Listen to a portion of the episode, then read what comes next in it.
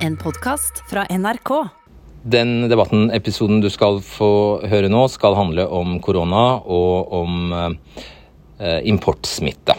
Det er jo en eh, sak som veldig mange er opptatt av. Eh, vi har inntrykk av at mange lar seg opprøre over at eh, det fremdeles er eh, stor ankomst av arbeidsinnvandrere fra veldig røde land, samtidig som resten av befolkningen er underlagt veldig strenge restriksjoner. og ja, Diskusjonen går jo i stor grad på om kontrollregimet og testeregimet ikke minst er godt nok. Så Det er den diskusjonen du skal få høre nå. Vi var veldig nære å, eh, til å eh, velge et helt annet tema, nemlig regjeringens klimamelding som ble lagt fram i forrige uke. men Bl.a. fordi vi kjørte oss fast i et researchspor vi brukte litt for lang tid på, så ble det ikke sånn denne gangen. Men det kommer jo helt sikkert en anledning mens denne meldingen blir behandlet i Stortinget til å ta opp eh, temaet. Og helt generelt er det sånn at vi følger nyhetsbildet og skal være aktuelle, men vi vil også at det skal komme fram noe substansielt eh, nytt i debatten. Det skal ikke være ordskifter som du har hørt og lest overalt eh, ellers. Det er en journalistisk ambisjon. Men nå kommer altså debatten om korona og om importsmitte.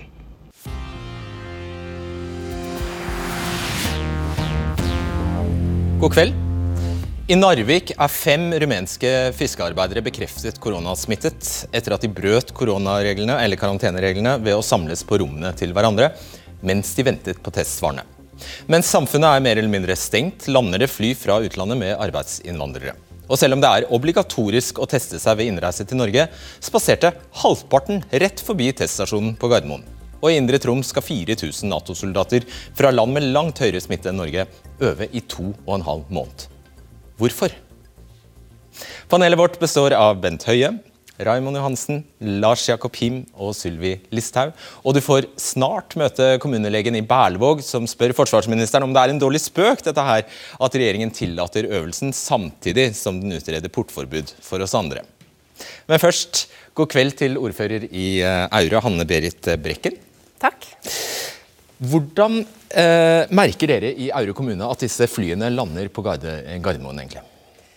Det merker vi på den måten at uh, flere og flere dropper å ta test på flyplassen, og velger da å komme til min kommune, da, Aure, og teste seg der.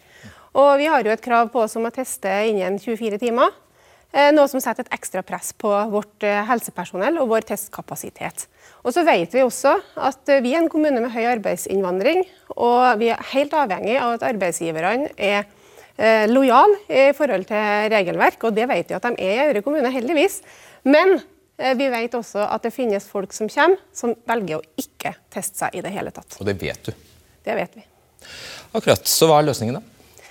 Løsningen den er å øke på både testkapasitet og kapasitet på karantenehotell på de plassene der, der, vi får folk inn til landet vårt.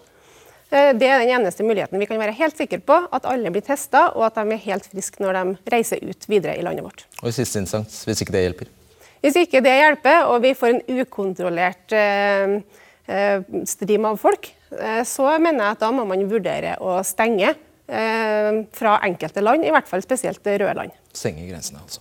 Jon Danielsen, velkommen til deg også. Du er ordfører i Øksnes kommune i eh, Nordland for eh, Senterpartiet. Hva sier du til at det kan bli sånn at man må stenge grensene? Det får jeg håpe at det ikke skjer. Tre fjerdedeler av inntekta til Øksnes kommune kommer nettopp fra fiskeriene. Og det skjer i denne perioden fra 1.1 til ca. påske. Ja, så ville, det, Hva ville skjedd da med lofotfisket? Jeg har forstått det sånn at det er faktisk ja, om lag 4000 arbeidere fra Øst-Europa som, som, trengs for å gjennomføre lofotfiske. Hva skjer da? Ja, Vi beregner i Lofoten, Vesterålen og søndre deler av Troms at som ca. 4000 ja, arbeidsinnvandrere har vi behov for i denne perioden. Hvis vi ikke greier å få det inn til landet sånn som det er lagt opp nå, så er det sånn at eh, vi greier ikke å gjennomføre det. Og da er alternativet utrolig dårlig. Det, det finnes ikke alternativ for oss. Nei. Hva er ikke alternativet? Det Alternativet er at vi får ikke fisken på land. Jeg har nettopp sagt at fisken er i perioden sånn ca. januar til 1. april. Og da er det sånn at vi er nødt til å ta den opp ut av havet. Det er torsk på gytevandring, og den gytevandringa er ikke noe som vi styrer over. Hvor mye arbeidsledighet er det i kommunen din? Nei, For øyeblikket, så er, eller på vintersesongen, så er det nesten ikke arbeidsledighet i det hele store. Og da så det betyr at nå er det nesten ikke noe arbeidsledighet. Jeg spør fordi i uh, Moskenes uh, kommune i Lofoten så er det 13,5 arbeidsledighet, nemlig skriver Aften Klassekampen i, i, i, dag. Og nær sagt ingen melder seg til lofotfiske. Og det vet ikke jeg hvorfor. Men det er sånn at når det gjelder fiskeriene også, så trenger vi fagkompetanse. Og det er en god del fagkompetanse i forhold til disse menneskene som kommer inn til landet som er arbeidsinnvandrere. De har vært her tidligere, de kan yrket. Skjønner. Hva sier du til dette? Jeg sier ta i bruk lokal arbeidskraft. Eh, vi vet at det er veldig mange i Norge som både er permittert og som eh, har mista jobben sin. Det finnes arbeidskraft i Norge. Jeg sier at vi skal bruke den. Eh, og så er vi avhengig i Norge av andre arbeidsinnvandring. Det er helt klart. Og vi skal ta imot det, men det må skje i kontrollerte former, og at vi vet at de som kommer til landet vårt, er friske. Ja. Har du gjort noe aktivt Danielsen, som Senterpartiordfører for å rekruttere lokalbefolkning til fiske? Bedriftene har jo annonsert etter lokale arbeidere. Så det har de gjort. Hva vi har gjort, ja, vi går hver ut og så må vi anmode folk i utgangspunktet å ta arbeid innenfor fiskeriet. Og Det skjer vel hvert år også. og Det skjer også via Nav. Så det er muligheter til å søke etter arbeidere der også. Men som jeg sier, vi er nødt til å ha fagfolk inn. Eh, og det her er prekært. Det er prekært hver vinter. Så er det sånn at eh, det her er sesongarbeidere, og mange ut av de nordmenn som vi gjerne skulle ha der, får ikke helårige arbeidsplasser ut av dette. Ja. Akkurat. Der ligger kanskje noen, noe av rota til problemet. Brekken, har du konferert før du, før du gikk ut og sa, sa, det du sa nå nettopp? At eh, du, det kanskje eh, ender der at vi må stenge grensen. Har du konferert da med, med Equinor? Har du konferert med MB Hydraulikk? Har du konferert med Sletta verft? Eh, hvis vi har måttet komme dit at vi har stengt grensene, så er det klart at det ville ha påført oss eh, smerte. Eh, næringslivets smerte. Dette er også det, bedrifter, ja. viktige, viktige bedrifter i din kommune. Ja, det er det. Bedrifter som er utrolig flinke til å overholde det, de her reglene som er satt. Men eh, jeg tror det at hvis vi får importsmitte inn til landet vårt, så vil det være en veldig stor og kanskje større utfordring for disse bedriftene enn at vi er påpasselige med at det kommer friske folk inn. For eh, Hvis vi får en smitte i Aure kommune, der menigmann i gata blir smitta, og resten av arbeidstakerne på disse bedriftene, så vil jeg tro at det er et like stort problem for dem. For da vil jo den resten av arbeidsstokken bli dårlig òg, og det vil vi ikke.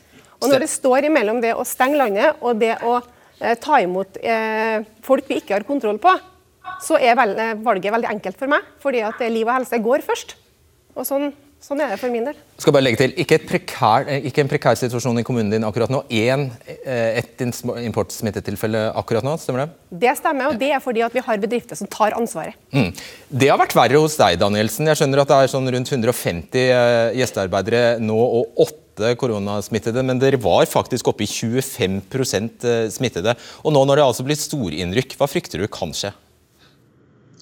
Jeg er jo helt enig i forhold til at vi må sette i gang tiltak for å begrense smitten.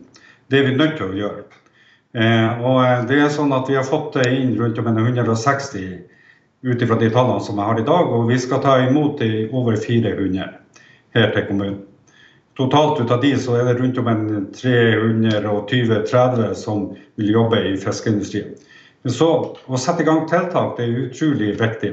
Derfor er det sånn at vi har jobba sammen med næringslivet, sammen med regjeringa fylkesmannen, eller statsforvalter som heter du, eh, i en periode du over to eh, måneder for å greie å få de rette tiltakene på plass. Og Da kan jeg nevne det her med grensekontroll 24-7, kapasitet på eh, karantenehotell. Det er mye mulig det at vi skulle hatt isolasjon i disse karantenehotellene eller disse enerommene som det vi snakker om. Jeg avbryter deg bare bitte litt her. Fordi, fordi du, altså, I prinsippet skal du nå ha 150 enerom tilgjengelig for disse arbeiderne. Har du det? Finnes de? Det som er meldt fra næringslivet her i kommunen, det er rundt om en 80-90 rom på karantenehotell i Narvik, mener det, i Narvik. Ja, så det er noen som bor sammen? Det er ifra, noen ut av disse bedriftene. Men så har vi i tillegg, i forhold til de ti døgnene som det er snakk om å være i karantene, så vi bruker i perioden 1.12. og til sånn ca. 1.2.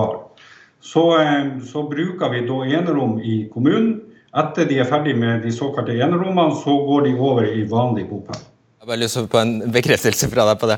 Du sa til meg, fortalte meg tidligere at du kjenner til eksempler på flere arbeidere som bor tre og fire på ett rom. Stemmer. Kan du bekrefte det? Ja, det, det, kan jeg nok bekrefte i forhold til det som har vært tidligere, men det er etter de er ferdig med den karanteneperioden. Ok, da har vi det, oppklart det. Vil du komme med en eh, utfordring til eh, myndighetene, de øverste myndighetene men så har du meg? Eh, ja. Eh, det vil jeg. Eh, Utfordringa er jo hvordan skal vi få til arbeidsinnvandring på en trygg måte. Og Der tenker jeg at løsninga må ligge i å bruke millioner nå på å ruste opp, sånn at vi har testkapasitet og har karantenekapasitet der vi ser at folk kommer inn til landet vårt, i stedet for å måtte bruke milliarder på å stenge ned landet vårt, som vil gå ut over alle som bor her. Det skal du få svare på, statsråd.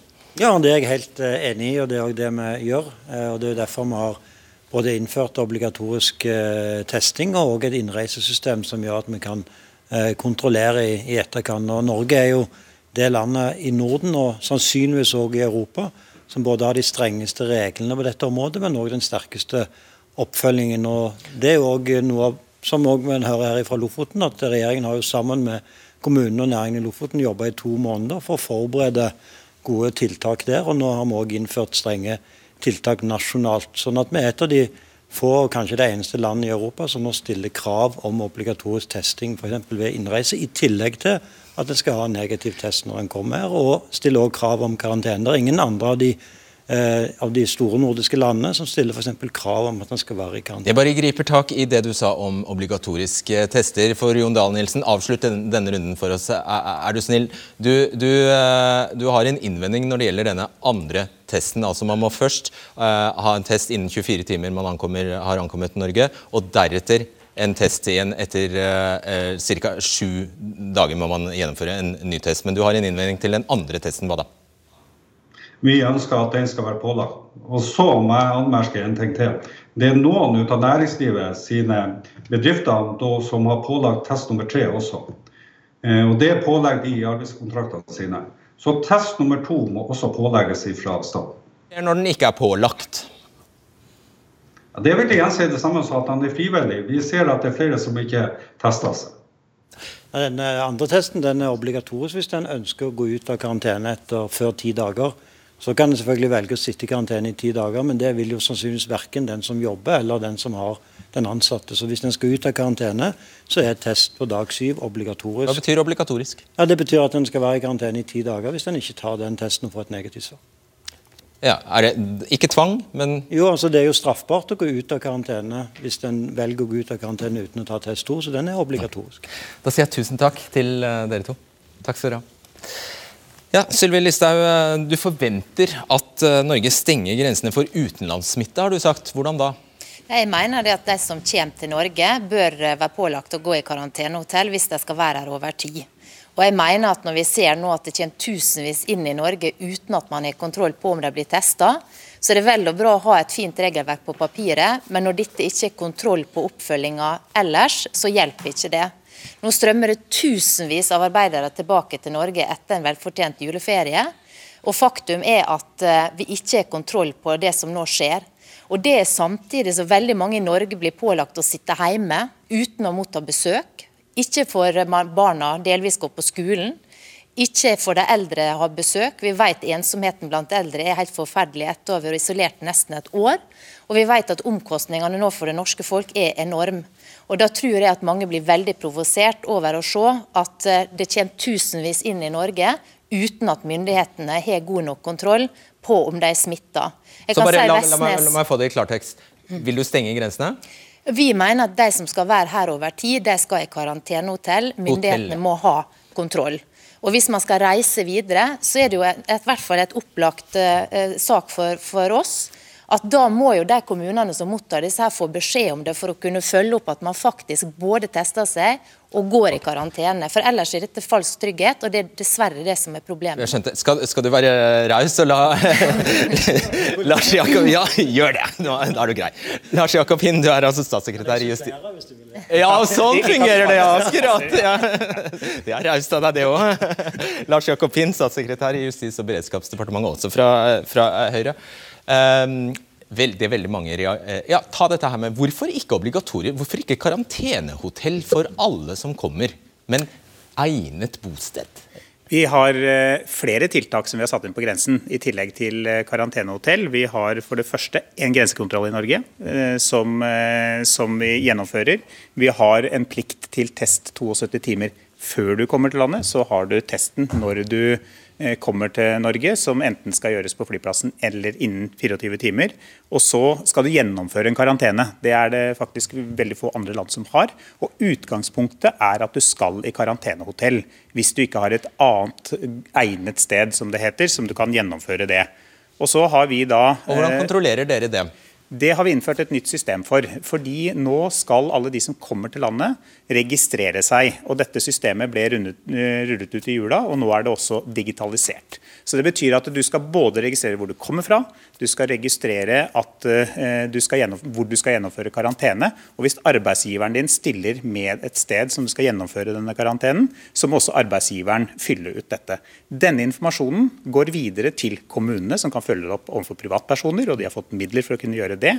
Eller til Arbeidstilsynet, som kan kontrollere at det følges opp eh, den karantenen. Hvor stor er den armadaen Raimond Johansen, av kommuneansatte du kan sende ut for å sjekke disse? Den, den er liten. Men, er den liten? Men, men, la meg først si at vi er nå inne i en veldig dramatisk situasjon.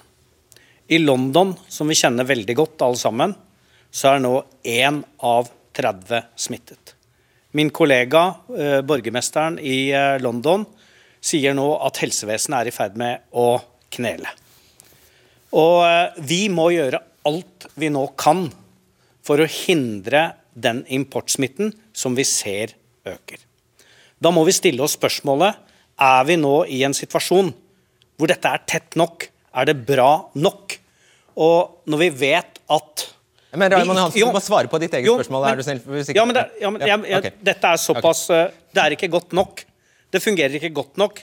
Vi vet ikke godt nok om alle er testet. Vi vet ikke godt nok om det er den obligatoriske testingen. Vi vet ikke godt nok om de blir testet 24 timer etter at de kommer. Vi vet ikke godt nok om de er i karantene i ti dager når de kommer her. Det er ikke et godt nok registreringssystem mellom kommunene. Det er veldig bra, men det mangler fortsatt mye for at vi kan være helt sikre på det.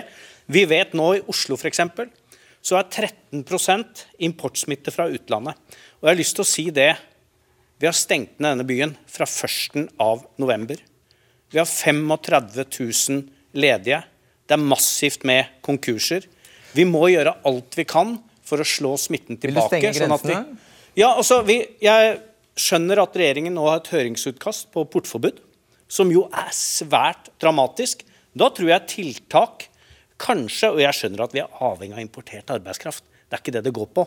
Men vi må nå gjøre nok. Og spørsmålet er om vi gjør nok. Mi, øh, og jeg mener Og jeg stilte deg spørsmålet om du mener om du har Og jeg har svart at nei. Og jeg har svart nei. Jeg mener at vi ikke gjør, gjør nok. Nei, men om jeg mener at vi ikke har god nok kontroll. Har gått langt, så langt at grensene bør ja, men, men, la oss si at Jeg skjønner jo at lofotfisket, landbruket, byggenæringen, industrien er avhengig av arbeidskraft, men da skal jeg i hvert fall vite at det ikke er lekkasjer. Raymond, svar da! Vil du stenge grensene? Ja, altså vi, vi, det må jo være det siste mulige å stenge grensen. Jeg sier ikke at vi skal stenge grensen okay. i dag, men i dag så må vi i hvert fall gjøre alt vi kan for å tette lekkasjen. Og i dag er det for mange lekkasjer. Men det var, ja, for det var mange nok huller i det systemet han beskrev eh, før, før eh, så drastiske tiltak som å stenge eh, grensene. Hvor vil du begynne? Nei, Vi vil begynne med hele den listen. og Oslo kommune kommer med mange gode innspill til oss på fredag. Alle de jobber med meg, i tillegg til mange andre òg. For jeg er helt enig. Men dette kan bli enda bedre. Men hvis vi skulle ha venta til dette systemet var perfekt, så hadde vi ikke hatt obligatorisk grense, eh, testing på grensen nå. Vi hadde ikke hatt eh, obligatorisk registrering. Så vi måtte starte med et system som ikke var perfekt, men som vi kommer til å forbedre. Så vi kommer til kontinuerlig komme med tiltak. For jeg stiller meg det spørsmålet du stiller nå hver eneste dag. Er dette godt nok? Ikke minst når jeg ser hva som skjer i andre land. Og jeg tror at En av årsakene til at Norge har klart seg bedre enn de fleste andre europeiske land, er at vi kontinuerlig gjennom hele denne pandemien stort sett har vært det landet som også har hatt de strengeste reglene knyttet til reising og importsmitte.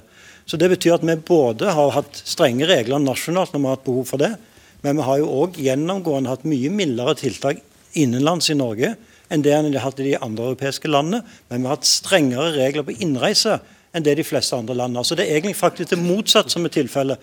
Norge, hvis en sammenligner Norge med andre land i Europa, har hatt lavere tiltak nasjonalt men strengere regler på reise stort sett gjennom hele pandemien. Jeg tør bare å gi deg ordet hvis du forholder deg kort denne, denne gangen. Vær så snill. Tusen takk, det var veldig raust av deg. Takk. Eh, vi har vært eh, flinke. Kommunene har vært flinke. Men vi ser at når vi åpner for økt mobilitet, som vi gjør i forbindelse med ferier og i forbindelse med importsmitte, så øker faren. Og jeg er fortsatt veldig redd for for mange lekkasjer og med de enorme konsekvensene det kan få. Det er jeg òg veldig bekymra for. og Derfor er jeg helt enig i at kontrollmulighetene dere som kommune, dere har mulighet til å ta stikkprøver i dag. Men vi skal jobbe for at den innreiseregistreringen gjør det enda enklere for dere å kontrollere. Dere har fått 320 millioner kroner fra kommunene for å ansette folk til å kontrollere dette.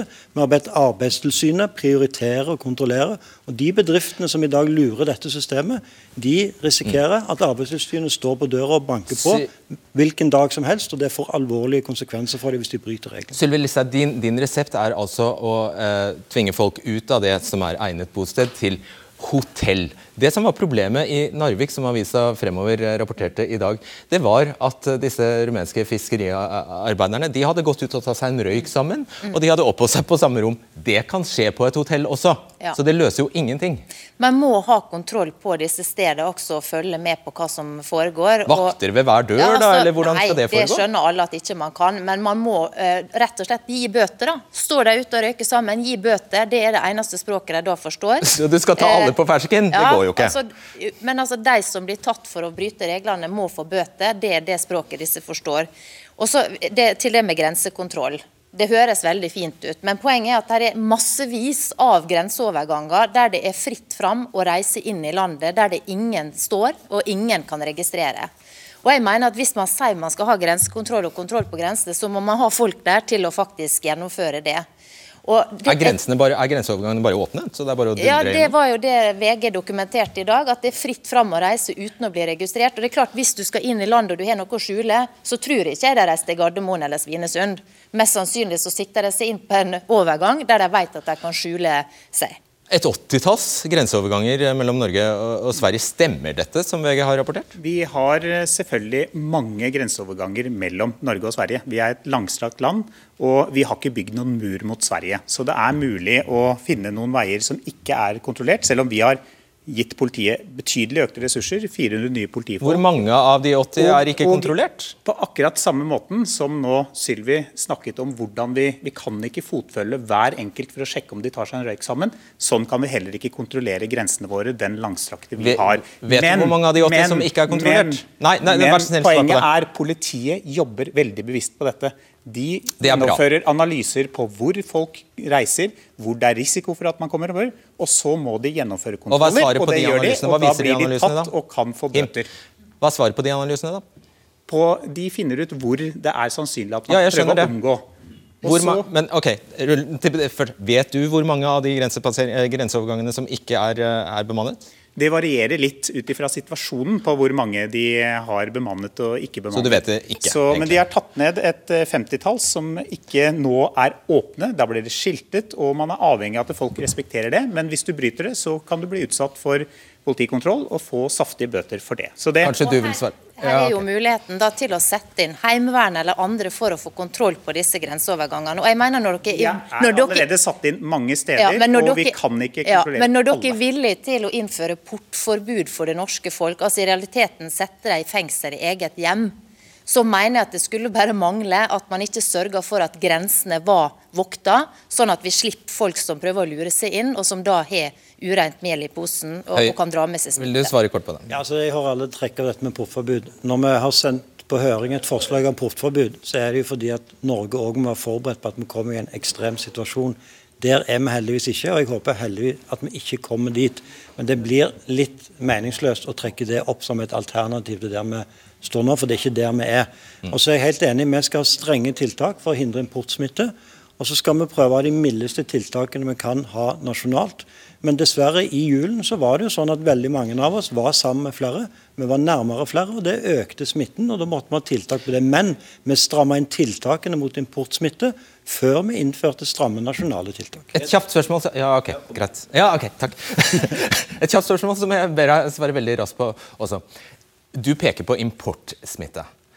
Vet du hvor mange korttidsoppholdene arbeidsinnvandrere fra Øst-Europa det finnes i, er registrert i Oslo i oktober, var det? Nei, sånn det vet jeg ikke. Nei. Tallet er 6200 personer i en by på nesten 700 000 mennesker. Altså, du Er det sannsynlig at disse 6200 personene har ført til voldsomt mye mer smitte i Oslo? Altså jeg har sagt at eh, rundt Nå så er rundt 13% av den smitten vi har er importsmitte av det vi vet i, fra utlandet, og rundt 12 som kommer av importsmitte fra andre steder i Norge. Det er de siste tallene vi har, og det er økende. Og det er bekymringsfullt. Husk på at vi har også en, vi har en utfordring, veldig mange av de arbeidspendlere, for det er jo arbeidspendlere vi snakker om, også fra fra, fra, Polen og fra Litauen og andre. De kommer med ganske billige fly inn her, jobber noen uker og så drar tilbake. Og Det sier at det er mobiliteten i seg sjøl. Og det har vi hele tiden vært oppmerksom på, at det er det som skaper eh, smitten. Og det er også tilfellet her. Og Vi har jo en hyblifisering i Oslo. Du har jo mange mange leiligheter hvor opptil ti arbeidspendlere bor sammen. Og Det er klart at det, det, ja, men det er en åpenbart ja, det, er en kjempe, det er en kjempeutfordring vi har. Det er en stor utfordring. og det er klart at mange av de... Spiser du av taletiden til en, ytterligere en kollega av deg? ja, bare, helt kort sett, Noe av grunnen til at vi har innført alle disse reglene, er jo også å begrense pendlingen. Det er klart Når det er så komplisert, alt det du må gjennom, så er det òg færre som reiser fram og tilbake. og Det er positivt rekke å ta en liten prat om denne eh, store Nato-øvelsen, som er en årlig foretredelse. Det er sånn at eh, Forsvaret har jo invitert da, tusenvis av utenlandske soldater til trening og vinterøvelse på norsk jord. og Ifølge kommuneoverlegen i Bardu er minst 51, ja 51 soldater er bekreftet smittet av covid-19 til nå. Hanne Heslein Lossius, du er kommunelege i Berlevåg. Og Frank Bakke-Jensen, du er Nå står jeg og ser på en skjerm der det ikke finnes Sånn, der, ja!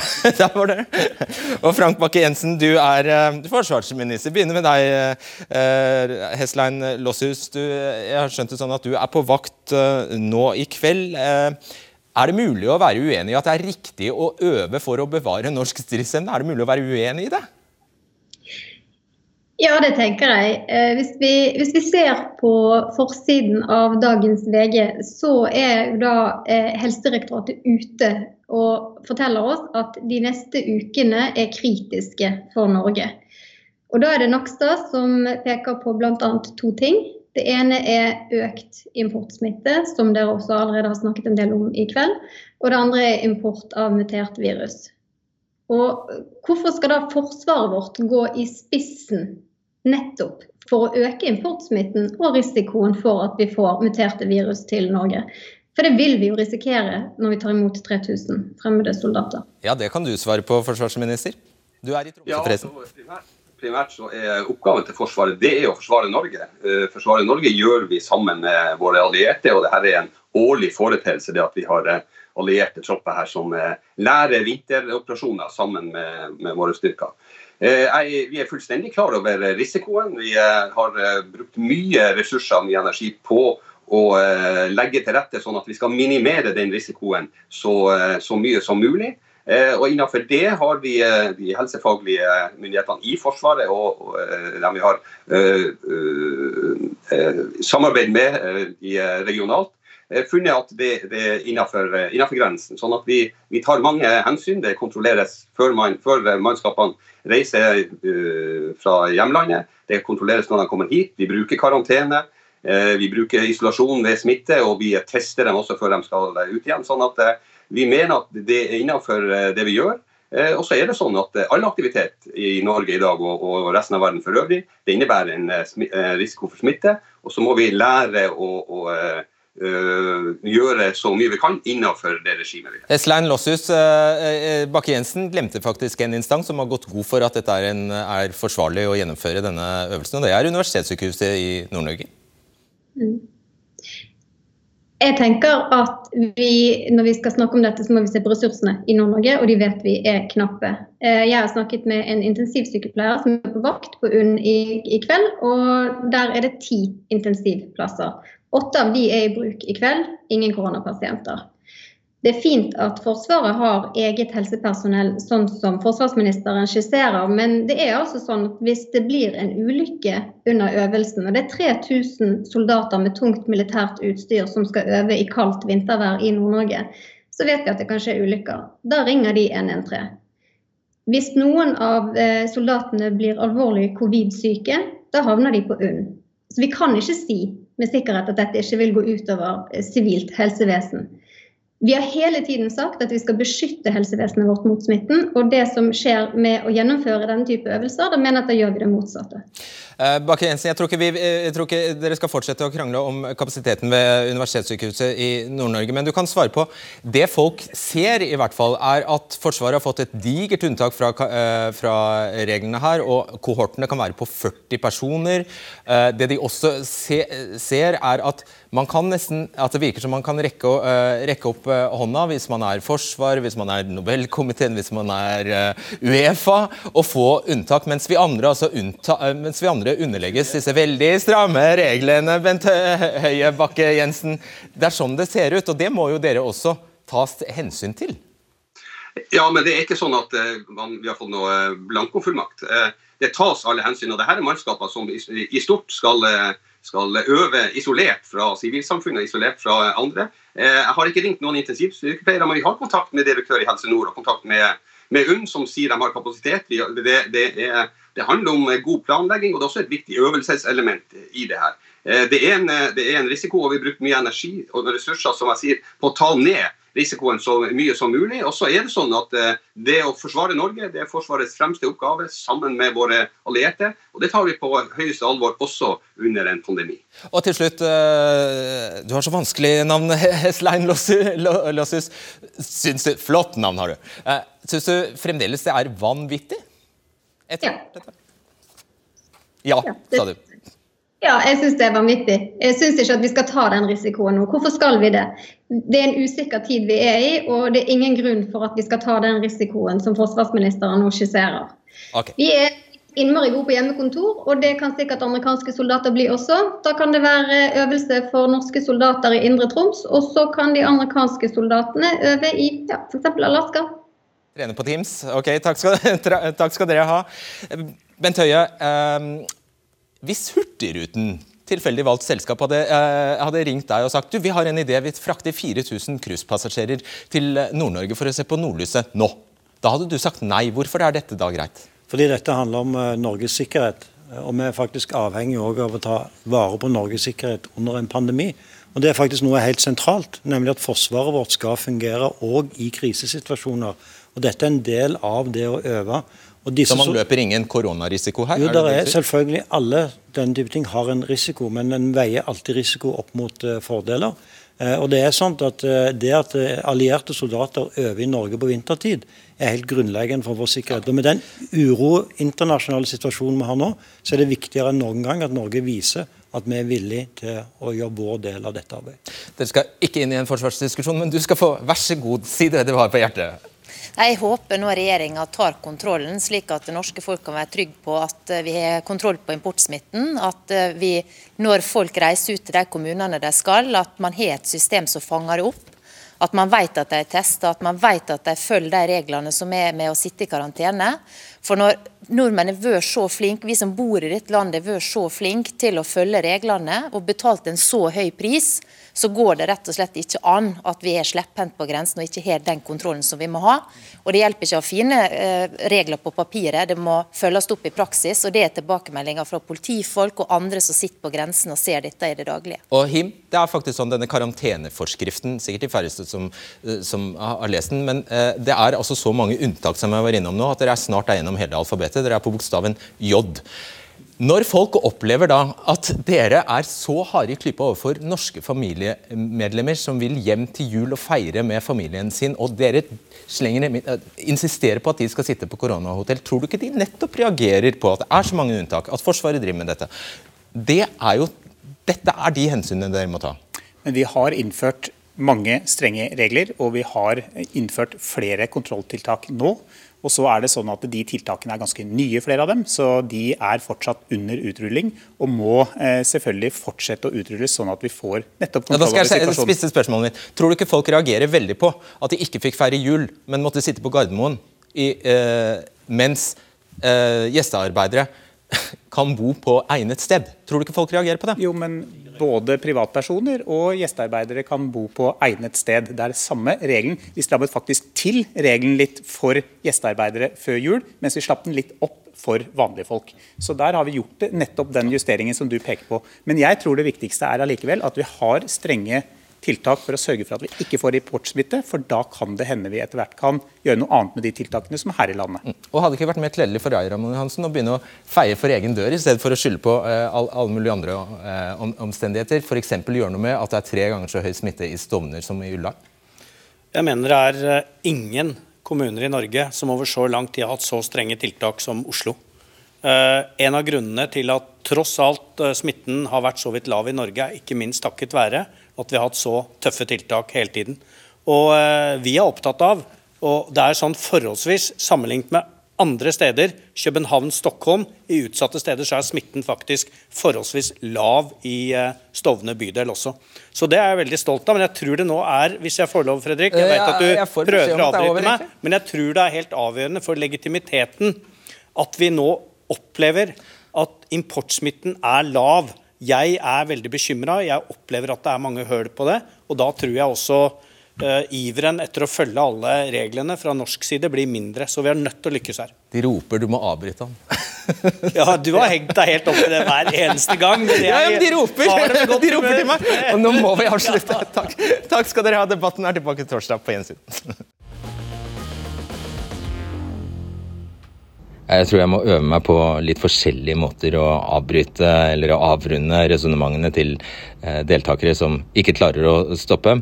Eh, det er en vanskelig øvelse, det der, å gjøre det på en høflig og vennlig eh, måte. Men samtidig så har jeg en regi på øret som ofte er kjempestrenge, og det kommer av at hvis vi ikke går ut på tiden, så eh, ødelegger vi for eh, alle programmene som kommer etter oss. Og det kan være ganske prekært når det er snakk om eh, andre direktesendte programmer som skal og må starte på tid.